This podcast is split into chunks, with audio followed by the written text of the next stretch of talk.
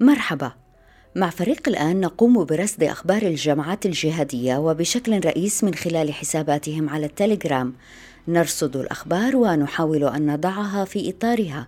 ماذا تعني اليوم؟ كيف ترتبط؟ بما كان أمس؟ وكيف ستؤثر في أحداث الغد؟ أنا نهاد الجريري أهلا بكم. مرصد الجهادية بودكاست على راديو الآن. أهلا بكم إلى حلقة هذا الأسبوع من مرصد الجهادية. نغطي فيها الفترة من 4 إلى 10 أكتوبر 2020 في العناوين فتوى للمقدسي تثير حفيظة المجلس الشرعي لهيئة تحرير الشام ورجلها الثاني عطون. هل لا يزال حراس الدين يشكلون خطرا على هيئة تحرير الشام؟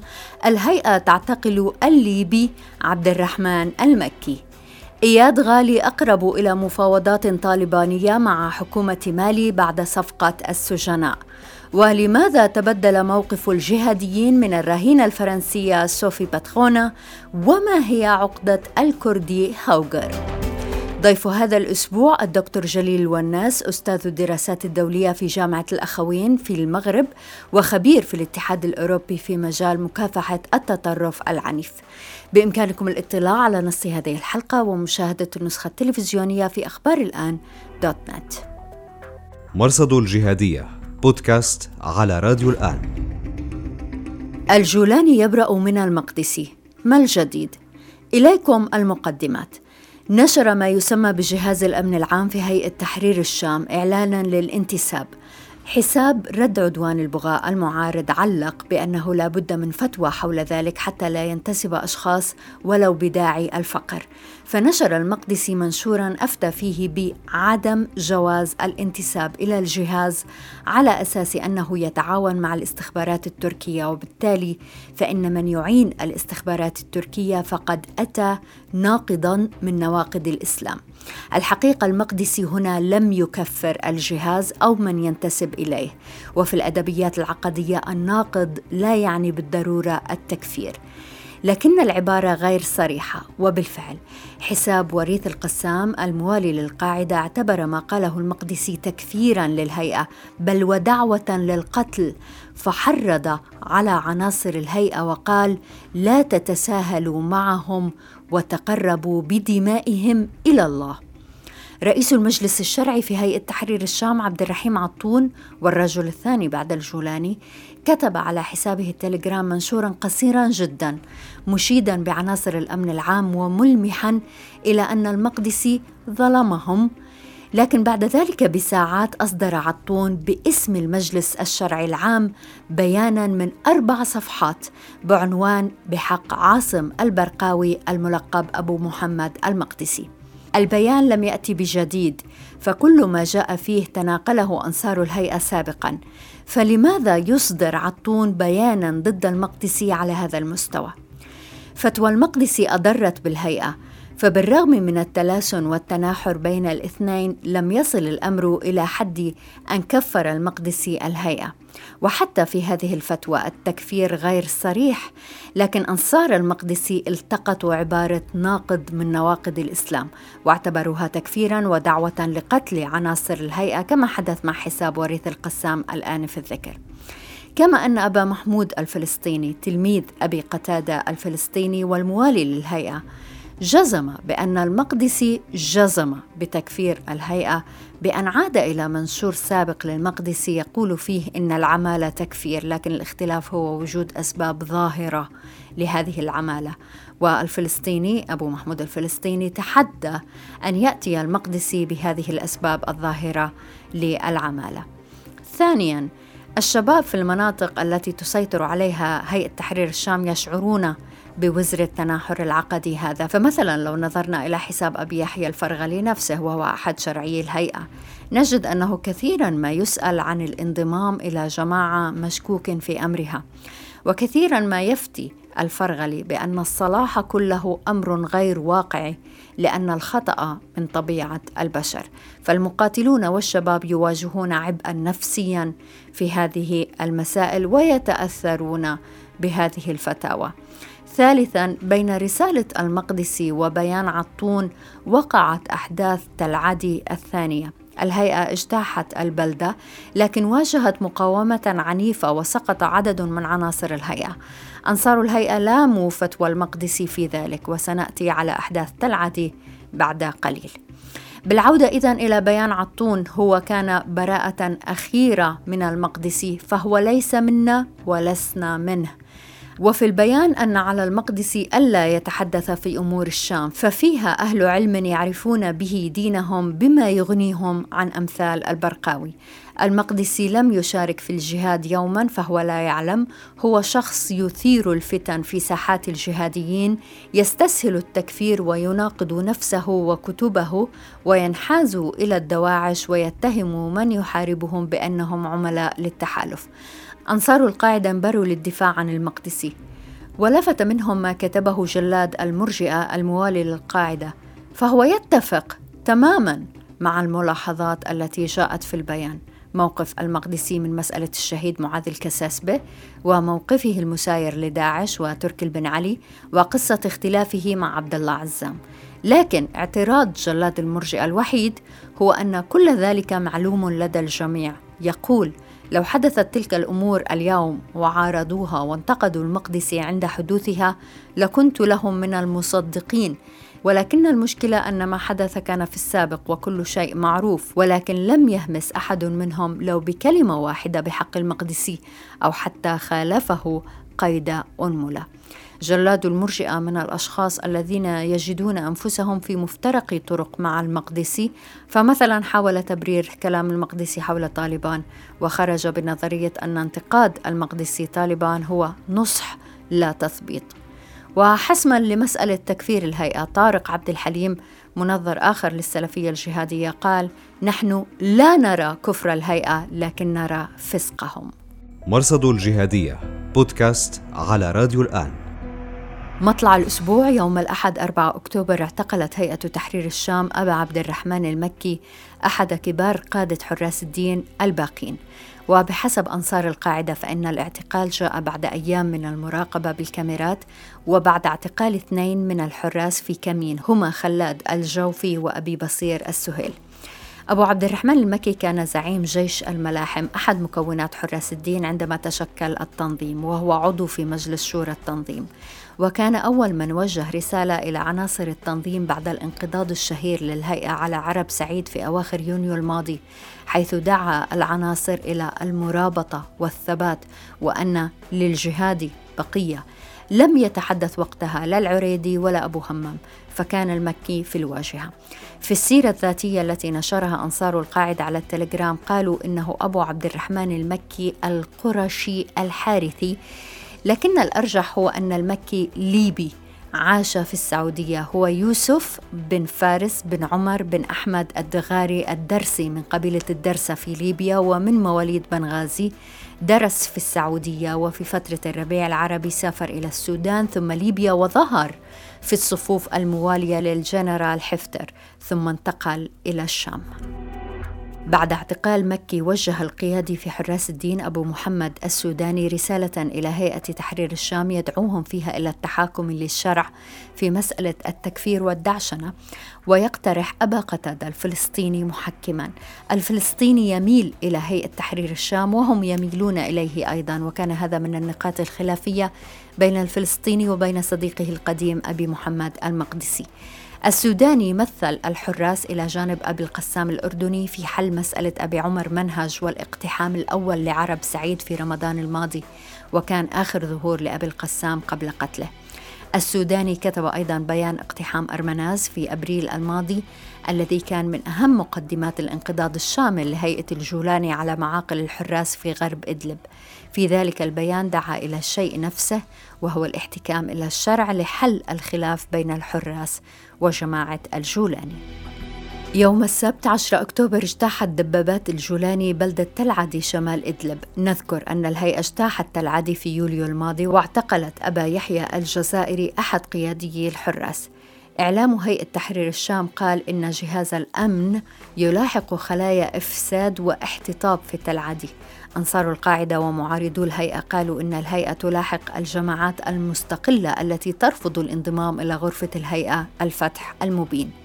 وقعت اشتباكات عنيفة ووردت أنباء عن أن أربعة فجروا أنفسهم رفضا للاعتقال من دون أن تتضح هوياتهم. أنصار الهيئة لاموا فتوى المقدسي على العنف الحاصل.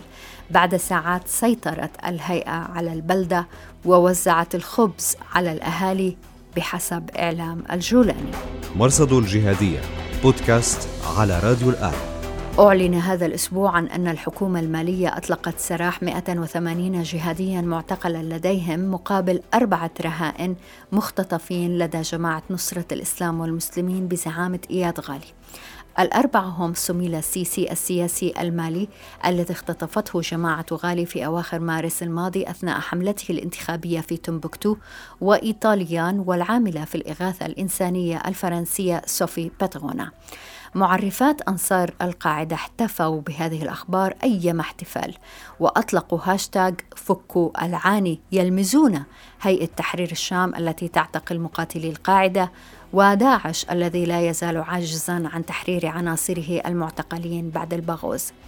أنصار القاعدة نشروا أيضا صورا لمجموعة قالوا إنهم من المطلق سراحهم وتضم أبو الدرداء الموريتاني ونشروا صورا لإياد غالي وهو يحيي هؤلاء ويقيم لهم الولائم. أنصار داعش وصفوا الصفقة بالمريبة وتساءلوا إن كانت تمهيدا لانطلاق المفاوضات بين القاعدة وحكومة مالي على نحو ما مهد تبادل إطلاق السجناء للمفاوضات بين طالبان والحكومة الأفغانية. عقدة هوغر لا تزال معرفات القاعدة تحتفي بأن الرهينة الفرنسية سوفي باتغونا اعتنقت الإسلام أثناء خطفها وهو ما اتضح لهم بعد أن وصلت إلى باريس. والحقيقة أنهم كانوا يصفونها قبل ذلك بساعات بأنها الصليبية والشمطاء وكلاهما لفظان يستخدمان شعبويا للتحقير. داعش أثاروا نقطة مثيرة للاهتمام فتساءلوا كيف تسلم القاعدة امرأة مسلمة إلى بلد يعتبرونه كفريا؟ مقارنين بين هذا وبين انقضاض القاعدة على جماعة الجولاني عندما اعادوا الطفل الإيزيدي هوجر إلى أهله. هوجر من سنجار في العراق وجد طريقه إلى دار الأيتام في إدلب واحتضنته عائلة مسلمة ثم تعرف عليه أهله وطالبوا به فأعاده نظام الجولاني إليهم. أنصار القاعدة إلى اليوم يذكرون بقصة هوجر وينتقدون الهيئة على ما فعلت من باب أنها سلمت مسلما إلى مرتد كما يعتبرون الأكراد إرضاء للتحالف والمجتمع الدولي. داعش يسأل بماذا يختلف عمل هاتش عن القاعدة وبما يختلف هوجر عن صوفيا. ومعنا للحديث عن هذه الصفقة الدكتور جليل الوناس أستاذ الدراسات الدولية في جامعة الأخوين بإفران في المغرب وخبير لدى الاتحاد الأوروبي في مجال مكافحة التطرف العنيف وأحد أفضل من كتب في الجامعات الجهادية في منطقة إفريقيا والساحل. شكرا جزيلا دكتور لوجودك معنا. Thank you, Thank you for inviting me. هذه الصفقة بين جماعة نصرة الإسلام والمسلمين والحكومة في مالي ماذا تعني بالنسبة للجهاتيين في المنطقة خاصة بعد الانقلاب الأخير في باماكو وتبدل السلطة؟ It's a turning point, certainly. Um, if you get, if you look at the history of jihadism in the region from 1970s all the way to, to now, whether it's Libya, Tunisia, Algeria. لا شك في أنها نقطة تحول. لو نظرنا إلى تاريخ المنطقة منذ السبعينات وحتى اليوم في ليبيا وتونس والجزائر والمغرب، لوجدنا أن أمرا كهذا يحدث للمرة الأولى. هذه سابقة ولم يحدث أن أطلق سراح هذا العدد من الجهاديين على هذا النحو. طبعا هذا يذكرنا بطالبان في أفغانستان وتبادل السجناء هناك. نقاط شبه بين الحالتين. لا شك في أن هذه الصفقة ستعزز موقف نصرة الإسلام والمسلمين سواء بين السكان المحليين أو بين الجماعات الجهادية. ثم إن هذا التبادل سيعزز موقف إياد غالي زعيم نصرة الإسلام والمسلمين الذي لعب دورا مهما في تاريخ العنف السياسي في المنطقة. اليوم سيأتيه مئة أو مئتا رجل لتعزيز قواته. من وجهة نظري هذا التبادل سيعزز موقف جماعة إياد غالي. لماذا إذا حدثت هذه الصفقة الآن دكتور جليل؟ It's a combination of factors. It's, it's not. Uh, it's uh, it's a combination of factors. The idea of a dialogue of negotiations with the JNIM it's not new. It's old. It has been there for several uh, for several actually. For ثمة مجموعة من العوامل فكرة الحوار والمفاوضات بين الحكومة وجماعة نصرة الإسلام والمسلمين ليست جديدة بل تعود لسنوات عدة حكومة باماكو انخرطت في مفاوضات مباشرة مع جماعة إياد غالي منذ يناير تأجلت المفاوضات أكثر من مرة بسبب فيروس كورونا ولكنها قائمة منذ ستة أشهر لكن أعتقد أن العامل الأهم هو وجود إمام ديكو وهو شخصية قوية قاد الحركة التي أطاحت بالرئيس كيتا في باماكو وهو من أنصار المفاوضات مع الجهاديين ويعرف إياد غالي معرفة شخصية وبينهما علاقات مباشرة. بحسب مصادري فإن المفاوضات بدأت قبل أسابيع ولا شك في أن ديكو عجل إجراءها. من ناحية أخرى لا شك في أن تبادل السجناء مؤشر على ضعف حكومة مالي والجيش والسلطات المحلية. ليس في هذه المرحلة وحسب وإنما لسنوات عدة. هذا هو رأيي. المفاوضات بدأت حتى قبل وقوع الانقلاب ولكن بحسب مصادري بدأت المفاوضات قبل عدة أسابيع. أما الاتفاقية فتم توقيعها قبل أسبوعين ولأسباب فنية تم تأجيل الإعلان عنها حتى قبل أيام. وعليه وبالنظر إلى هذا الجدول الزمني فأعتقد أن وجود ديكو وضعف الحكومة أديا إلى هذه النتيجة. Deco, the arrival of Deco, the weakness of the government, all those things precipitated the process. حضرتك ذكرت طالبان في بداية حديثك. لأي درجة هذه الصفقة تمهد لمفاوضات بين جماعة إياد غالي والحكومة في باماكو شبيهة بمفاوضات طالبان؟ I would say, look, the, uh, if let's let's make a diversion for a second to the Taliban that you just mentioned. The Taliban, the, the idea of negotiations between jihadists. لنتحدث عن طالبان. فكرة المفاوضات مع الجهاديين والقاعدة. وأنا هنا أتحدث عن القاعدة وليس داعش. هي فكرة ليست جديدة. تأخذ أشكالا مختلفة مثل الهدنة مع الحكومات المحلية كما حدث في الجزائر في التسعينات وفي بلدان أخرى من المنطقة. طالبان المتحالفة مع القاعدة مهدت لمفاوضات شبيهة بين جماعة إياد غالي والحكومة المحلية. لو عدنا إلى توقيع اتفاق الهدنة قبل بضعة أشهر سنجد أن جماعة إياد غالي أشاروا في ذلك الإعلان تحديدا إلى مسائل مستوحاة من طالبان فالتأثير حاصل.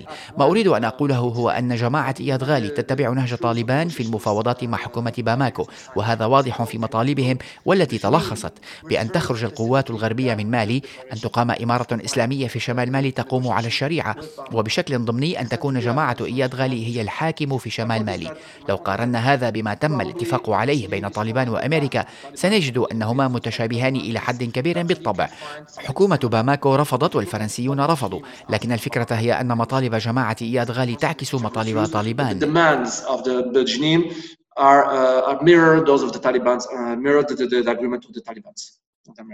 قلت إن الصفقة تدعم موقف إياد غالي هل يحتاج إلى دعم؟ It's a good question. Does he need it? I, mean, is by now is the most powerful. سؤال جيد. جماعة نصرة الإسلام والمسلمين هي أقوى جماعة جهادية في المنطقة. توجد ثلاث جماعات رئيسية. توجد جماعات صغيرة طبعا لكن هذه الجماعات الثلاث هي الكبرى. داعش في الصحراء الكبرى والساحل أنصار الإسلام في بوركينا فاسو ونصرة الإسلام والمسلمين في مالي بزعامة إياد غالي وهي الأقوى. ما حدث سيعزز موقع إياد غالي بشكل منقطع النظير فلا يستطيع أحد آخر أن يفعل ما فعله. وكأن لسان حاله إذا أردت أن تجز شيئا فتحدث إلى إياد غالي. أعطيكم حربا أو سلاما أنا من يقرر. ما حدث نقطة تحول بالفعل. So yes, it's definitely, it's, I mean, for me, it's a turning point. It's, this is a turning point. إذا وبالنظر إلى أنه منصب زعيم القاعدة في شمال أفريقيا آه، لا يزال شاغرا بقتل دروكديل هل تعتقد بأن هذه الصفقة أو هذا الحراك سيؤثر على العلاقة بين جماعة إياد غالي وجماعة درودكيل؟ Oh, it's a, it's a big question, isn't it? um, what will happen to AQIM? I mean, look, for a couple of things. One thing regarding AQIM in the Sahel and the link with Sahel, I think it's clear that it's over. هذا سؤال كبير. من ناحية علاقة القاعدة في شمال إفريقيا بمنطقة الساحل انتهت. إياد غالي هو المسيطر الآن وهو يفعل ما يريد متى يريد. فمثلا دروغدال كان يرفض أي نوع من المفاوضات مع السلطات المحلية لكن إياد غالي قبل المفاوضات وبشكل مستقل بغض النظر عن موقف أي شخص آخر وسوف يمضي في المفاوضات. من ناحية أخرى لا تزال القاعدة في شمال إفريقيا من دون زعيم بعد مرور أربعة أشهر على قتل دروغدال وهذا أمر لم يحدث من قبل خلال ثلاثين عاما من الجهادية في الجزائر. وعليه عندما ننظر إلى تحركات الجماعة في الجزائر خلال الأشهر الماضية نجد أنهم قاموا بهجوم أو اثنين غير مهمين. القاعدة في شمال إفريقيا ضعيفة إلى أبعد الحدود ولا أدري كيف ستكون العلاقة بينهم وبين جماعة إياد غالي. لكن أعتقد أن فراغ منصب دروغدال بعد أربعة أشهر يعني مشكلة كبيرة جدا. فهذا يعني أنه لا يوجد توافق تعيين خليفة لدروغدال على هرم الجماعة أو ما تبقى منها. لا أرى مستقبلا مشرقا للقاعدة أو ما تبقى منها في المنطقة. أعتقد أن الجماعة انهارت أو تكاد. قتل دروغدال كان المسمار الأخير في نعشها. وعلى السلطات الجزائرية أن تستغل الفرصة الآن للانقضاض عليها.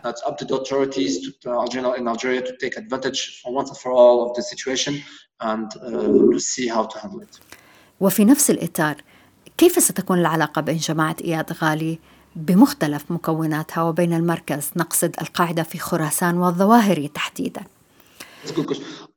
الدروك ده you want if you look the Maghrebi the Maghrebis here I'm talking about the North Africans okay Moroccans Algerians Tunisians and Libyans have basically dominated being dominating the uh, major figures of jihadists in the Arab world and الجهاديون من شمال إفريقيا ليبيا وتونس والجزائر كانوا دائما يسيطرون على الساحة الجهادية في إفريقيا والمنطقة العربية أبو إياد التونسي والليبي وغيرهما.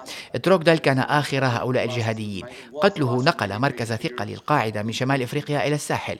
في المغرب لا توجد أي جماعات جهادية. في الجزائر توجد بقايا القاعدة. في تونس ثمة ستون أو سبعون جهاديا منعزلون في الجبال. في ليبيا الجهاديون في ضعف شديد ويتركزون في الجنوب.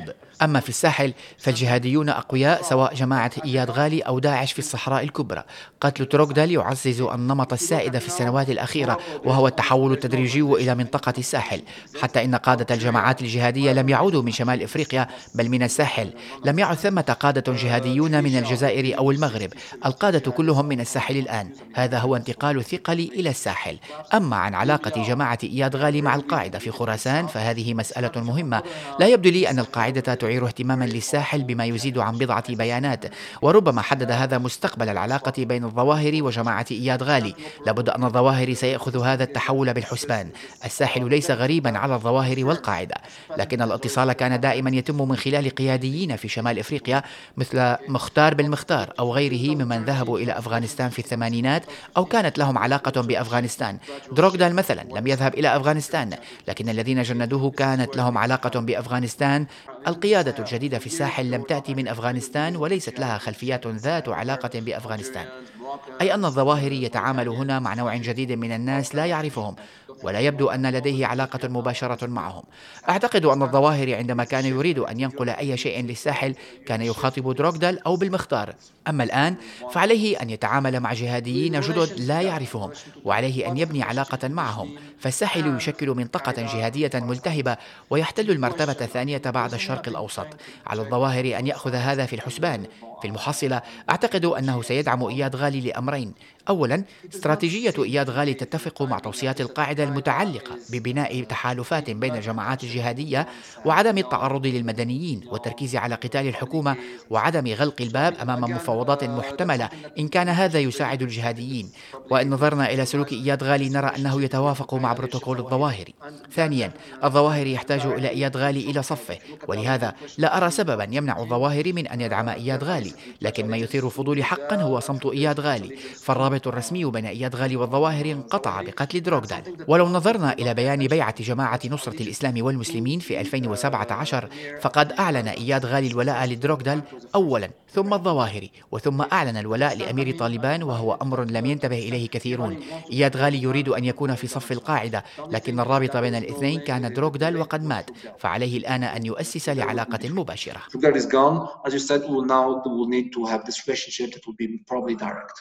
أود أن أسألك عن ديناميكية العلاقة بين داعش والقاعدة في غرب إفريقيا والساحل خاصة بعد الاقتتال الأخير بين الجماعتين في ضوء هذه الصفقة هل ستتغير هذه العلاقة؟ Uh?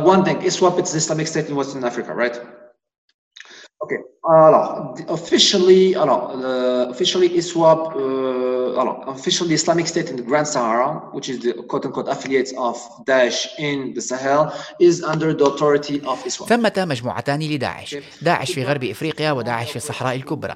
رسميا داعش في الصحراء يقع تحت سلطة داعش في غرب إفريقيا لكنهما عمليا جماعتان منفصلتان. داعش في غرب إفريقيا تهاجم في تشاد والنيجر والأخرى في مالي. الصراع الذي تشيرين إليه يحدث بين جماعة إياد غالي وداعش في الصحراء الكبرى. السبب في هذا الصراع هو آليات محلية. العلاقة بين الجماعتين كانت ودية مختلفين في ذلك عن تناحر داعش والقاعدة في سوريا والعراق. في الساحل كانت المجموعتان تتعاونان وأحيانا تشنان هجمات مشتركة لكن مع نهاية العام 2019 بدأت الأمور تتغير. داعش يعمل في الأجزاء الشرقية من الساحل وإياد غالي في الأجزاء الغربية. في 2019 بدأ نفوذ داعش يزداد في منطقة الصحراء ففكروا أن بإمكانهم أن يتوسعوا في وسط مالي حيث مركز قوة جماعة إياد غالي. بدأ التناحر بمواجهات بين الأمراء المحليين. تطورت إلى قتال على الأموال وتوزيع المصادر الطبيعية. ثم تطور الصراع إلى قتال على مستوى الجماعتين وهو ما وصل إلى حرب شاملة في منتصف العام الحالي. وبحلول أغسطس شنت جماعة إياد غالي هجمات واسعة وتمكنت من طرد داعش في مالي وحشرهم في المناطق الشرقية.